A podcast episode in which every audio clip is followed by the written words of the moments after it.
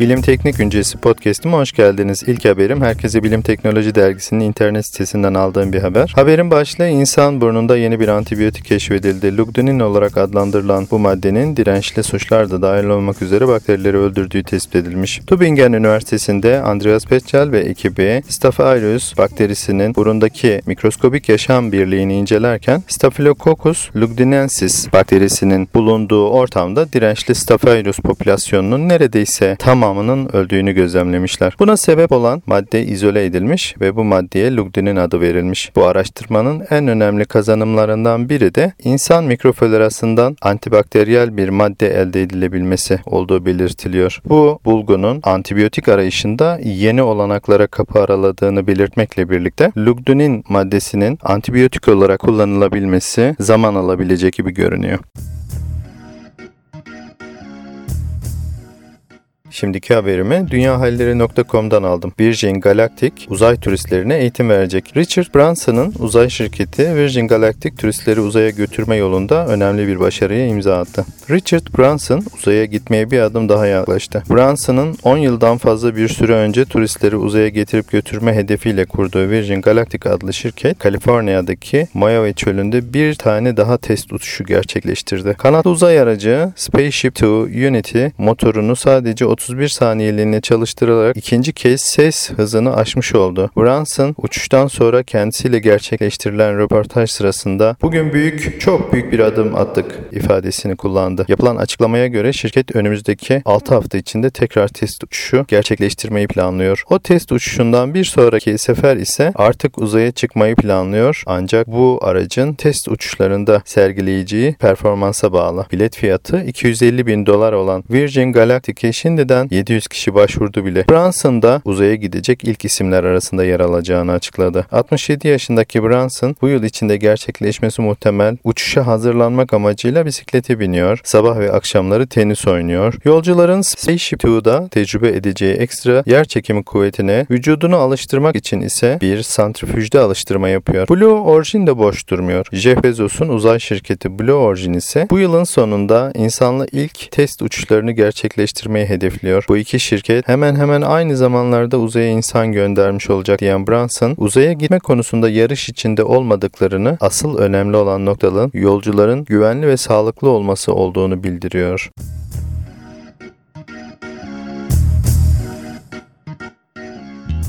NASA'nın Curiosity aracı Mars'ta organik madde buldu. NASA, Mars'taki Curiosity aracı tarafından Gale kraterindeki 3 milyar yıllık kil taşı birikimlerinden alınan toprak örneklerinde organik madde bulunduğunu açıkladı. Ayrıca aracın Mars atmosferinde metan tespit ettiğini belirtti. Dünya dışında yaşam arayışı her ne kadar yaşam olmaksızın da var olmaları mümkün olsa da bildiğimiz şekliyle yaşamın yapı taşları olan organik bileşikler ve moleküller üzerinde odaklanmaktadır. Organik madde birçok alternatiften biri olabilir. Geçmişte var olan bir yaşamın ayrıntılarını da ortaya koyan bir kayıt, örneğin fosiller gibi. Yaşam için bir yiyecek kaynağı veya yaşamın mevcut olduğu yerde ortaya çıkan bir şey. Neden ne olursa olsun bunlar Mars araştırmacıları için kimyasal ipuçları yerine geçmektedirler. Metan en basit organik molekül olarak kabul edilmektedir. Güneş sistemimizde yaşama ev sahipliği yapma ihtimali bulunan diğer yerler olan Jüpiter ve Satürn uyduları Enceladus, Europa ve Titan'da mevcuttur. Ve eğer yaşam bunlardan başka bir yerde mevcutsa dünya üzerindeki yaşama ilişkin bildiklerimizden çok farklı olmalı veya farklı biçimde biçimlendirilmiş olmalıdır. Yeni bulgular Perşembe günü Science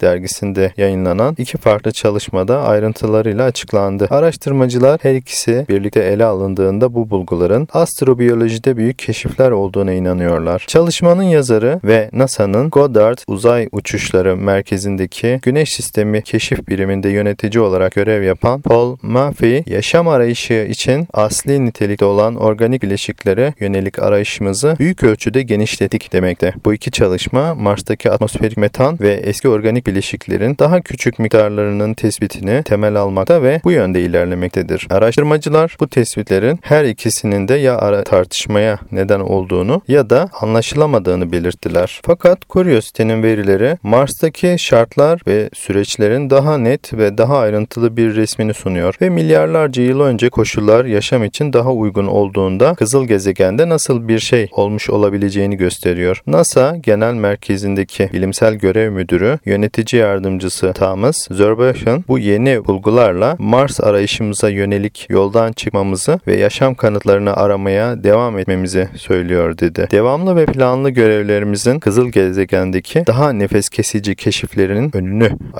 açacağından eminim diyor.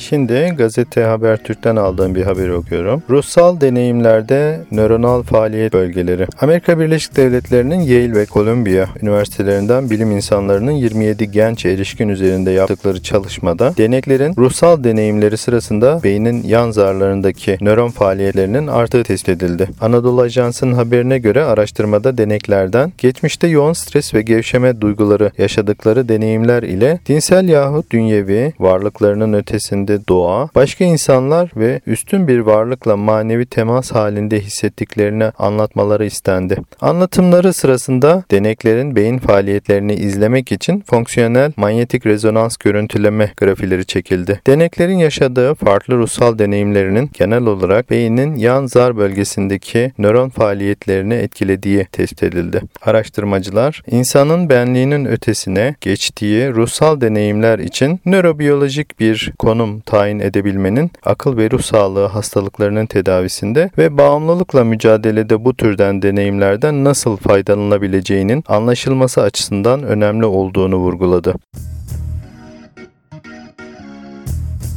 Habertürk'ten aldığım bir haberi okuyorum. Amerika Birleşik Devletleri Savunma Bakanlığı görünmez varlıkları araştırmış. Amerika Birleşik Devletleri Savunma Bakanlığı görünmez varlıkları araştırmış. Pentagon'un 22 milyon dolarlık UFO programının UFO fenomeninin tahmin edilenden çok daha geniş çapta ele alındığı ortaya çıktı. Paranormal olayları araştırması için görevlendirilen BAAS şirketinden görünmez varlıklar ve tuhaf yaratıklara yönelik açıklamalar yapıldı. Amerika Birleşik Devletleri Savunma Bakanlığı diğer adıyla Pentagon tarafından 90'lı yıllardan bu yana paranormal olayları incelemesi için görevlendirilen Bigelow Aerospace Advanced Space Studies adlı şirket geçmiş çalışmalarına yönelik çok önemli detaylar paylaştı. CBC kanalına bağlı bir yayında söz alan yetkililer çalış tanımlanamayan uçan cisim UFO kavramının tahmin edilenden çok daha geniş bir içeriğe sahip olduğunu belirttiler. UFO'ların gökyüzünde uçaklarla karşılaşan metalik objelerden ibaret olmadığını dile getiren yetkililer, araştırma sürecinde bu fenomene bağlı olarak görünmez varlıklar, tuhaf yaratıklar, ruh aktiviteleri, ışık küreleri, hayvan ve insanlara yönelik değişik yaralanmaları da içeren pek çok kanıt ile karşılaştıklarını öne sürdüler. Pentagon'un 22 milyon dolarlık UFO programının yalnızca gökyüzündeki objelere yönelik olmadığını ortaya çıkaran bu gelişme karşısında Amerika Birleşik Devletleri yetkililerinin nasıl bir yaklaşım içerisinde bulunacağı merak konusu. Eğer Pentagon'dan BAASS'yi onaylayan bir açıklama gelirse tüm dünyada UFO meraklıları için 2018 yılı tarihi bir dönem olacak.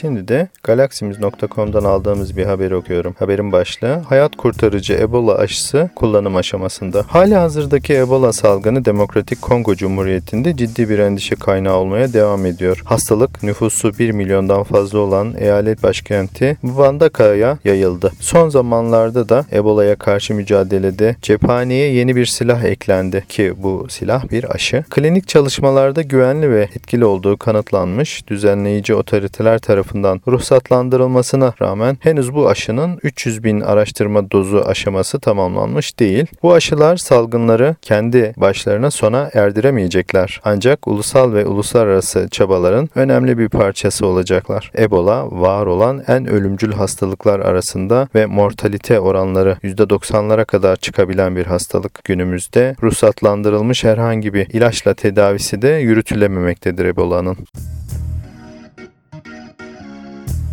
Business Insider'dan aldığım bir haber okuyorum. Vitamin takviyeleri işe yaramıyor mu? Sık kullanılan vitamin takviyelerinin aslında işe yaramaz olduğunu gösteren kanıtlar gün geçtikçe artıyor. Yeni bir çalışma daha vitamin takviyelerinin çoğunlukla işe yaramadığını gösteriyor. Çalışmada C vitamini ve kalsiyum dahil olmak üzere en çok kullanılan vitamin takviyelerinin sağlığa katkısı olmadığı görülmüştür. Çalışmaya göre folik asit ve folik asit içeren B vitamin komplekslerinin kardiyovasküler hastalık ve inme riskini azaltabildiği görülmüştür. Ancak niyasin ve antioksidanların aslında zarar verici özellikte olabileceği tespit edilmiş. Ocak 2012 ve Ekim 2017'yi kapsayan sistematik veri incelemesinde C vitamini, D vitamini ve kalsiyum takviyelerinin yanı sıra birçok multivitamin insanların sağlığına gerçek anlamda bir avantajının olmadığını ve kardiyovasküler hastalık, kalp krizi, inme ve erken ölüm riski ve benzeri hastalıkları azaltıyor olduklarına dair herhangi bir kanıt bulunmadığını ortaya koydu. Amerikan Kardiyoloji Koleji dergisinde yayınlanan çalışma St. Michael's Hastanesi ve Toronto Üniversitesi'ndeki araştırmacılar tarafından yönetildi. Çalışmanın baş yazarı Dr. David Jenkins, insanların tükettikleri yaygın kullanılan vitamin takviye ürünlerinin neredeyse etkisiz olduğunu gördüğümüzde şaşırdık diyor. İncelememiz multivitaminlerin D vitamininin, kalsiyum ve C vitamininin tercihen kullanılabileceği ve hiçbir zararı olmadığını ortaya koymuştur. Ancak dişe dokunur herhangi bir avantaj da sağlamamaktadır. Bununla birlikte görünüşte avantajlı birkaç vitamin takviye ürünü vardı. Folik asit ve folik asit içeren B vitamini komplekslerinin kardiyovasküler hastalık ve inme riskini azaltabiliyor oldukları tespit edildi. Bu arada yapılan çalışmada niyasin ki bir çeşit B3 vitamini ve antioksidanların çok küçük bir artışla da olsa henüz tespit edilmemiş olan bir nedene bağlı olarak daha yüksek ölüm riski ile ilişkili olduğu görüldü. Araştırmacılar bu yüksek risklerin niyasinin kan şekeri düzeylerine olan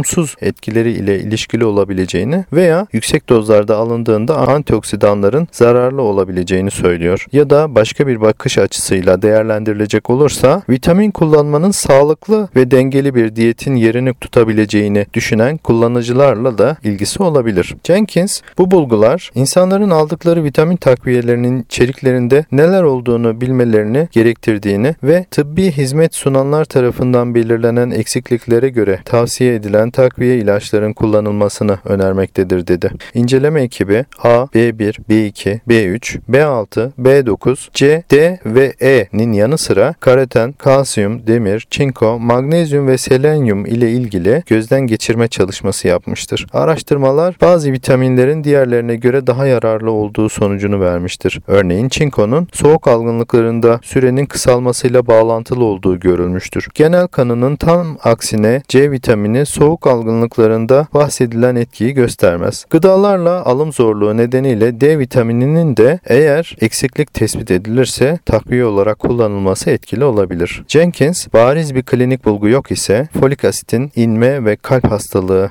riskindeki potansiyel düşüş hariç olmak üzere vitamin ve mineral depolarını doldurmak için sağlıklı bir diyete güvenmek daha faydalı olacaktır dedi. Şimdiye kadar yapılan hiçbir araştırma takviye ürünlerin sebze, meyve ve fındık da dahil olmak üzere az işlenmiş bitkisel gıdaların makul porsiyonlarından daha üstün olduğunu göstermemiştir diye ifade etmekte.